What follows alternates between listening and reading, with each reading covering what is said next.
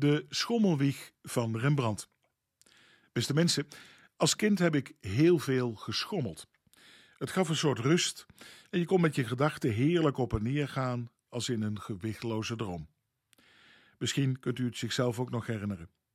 Een tijdje terug was ik op een bedrijfsbezoek en in de showroom van die grote fabriek had de directeur ook een schommel opgehangen. En op een gegeven moment voerde hij met ons, al schommelend, een open gesprek over trends, kansen en bedreigingen. Heerlijk schommelend, wat de zaken ook een beetje lichter maakte. Ik dacht, er zou veel meer geschommeld moeten worden. Ik zou daarom wel willen pleiten om in de scholen minstens één klas vol met schommels te hangen. Maar ook in de vergaderzalen van politici en bedrijven. Ja, misschien zelfs wel in de kerken. Om betere afwegingen te maken, beter te luisteren misschien ook wel. Dingen van meerdere kanten te bekijken, wat gewichtlozer te maken, schommelend, letterlijk en figuurlijk, tussen hemel en aarde. Want beide hebben we toch nodig. De aanleiding voor dat pleidooi om meer te schommelen vind ik in dat tweede schilderij van Rembrandt dat ik in de adventstijd graag met u wil uitlichten. Rembrandt situeert hier de stal van Bethlehem in een oer-Hollands Amsterdams huis uit de Gouden Eeuw. Maar tegelijkertijd zit het ook nog vol bijbelse symboliek. We zien Jezus hier liggen in een schommelwieg. En op de achtergrond staat Jozef als de trotse maker van deze wieg. Opvallend ook om aan de muur te zien dat Jozefs timmermansgereedschap daar aan de muur hangt in de huiskamer.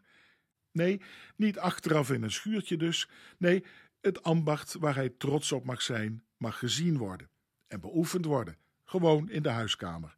Laten we maar meer trots zijn op onze ambachtsmensen.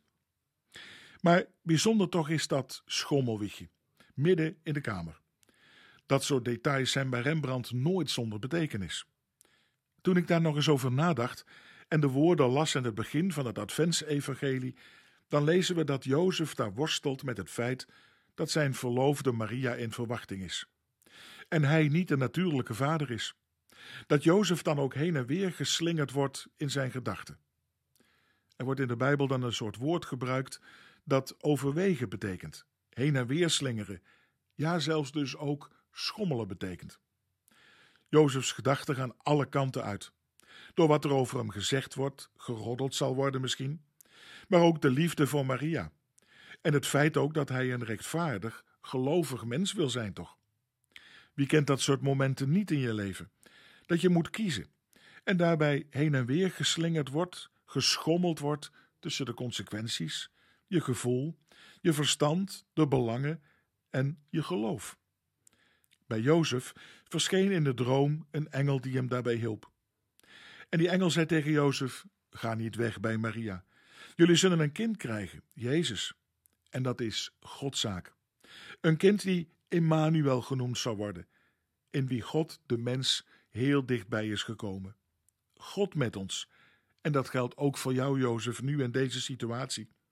Jullie mogen dat kind opvoeden tot heil van de wereld. Een droom die Jozef ook hielp de dingen anders te gaan zien, waardoor hij even loskwam van zijn begrijpelijke aardse gedachten. En nu de dingen ook vanuit een hemels perspectief mocht gaan zien. Om vervolgens, toen hij wakker werd, ook weer gewoon zijn verantwoordelijkheid te nemen en Maria te huwen en samen hun lang niet altijd makkelijke weg zouden gaan. Die engel had Jozef dus geholpen bij zijn overwegingen. En dat wens ik jou bij al je overwegingen ook toe, de weg van Jezus, zoals dat bij Rembrandt zelf ook gebeurd was. Ook hij heeft veel momenten in zijn leven gekend waarin hij opnieuw afwegingen en keuzes moest maken, zowel in zijn carrière als ook in zijn privéleven. Ook als er tegenspraak kwam en zelfs rouw en verdriet kwam in zijn leven. Soms waren dat hele lastige keuzes, letterlijk lastig, die soms ook een last op je schouders of je ziel konden leggen. Dat laat diezelfde Jozef ook zien in datzelfde schilderij, als hij op de achtergrond een juk aan het schuren is.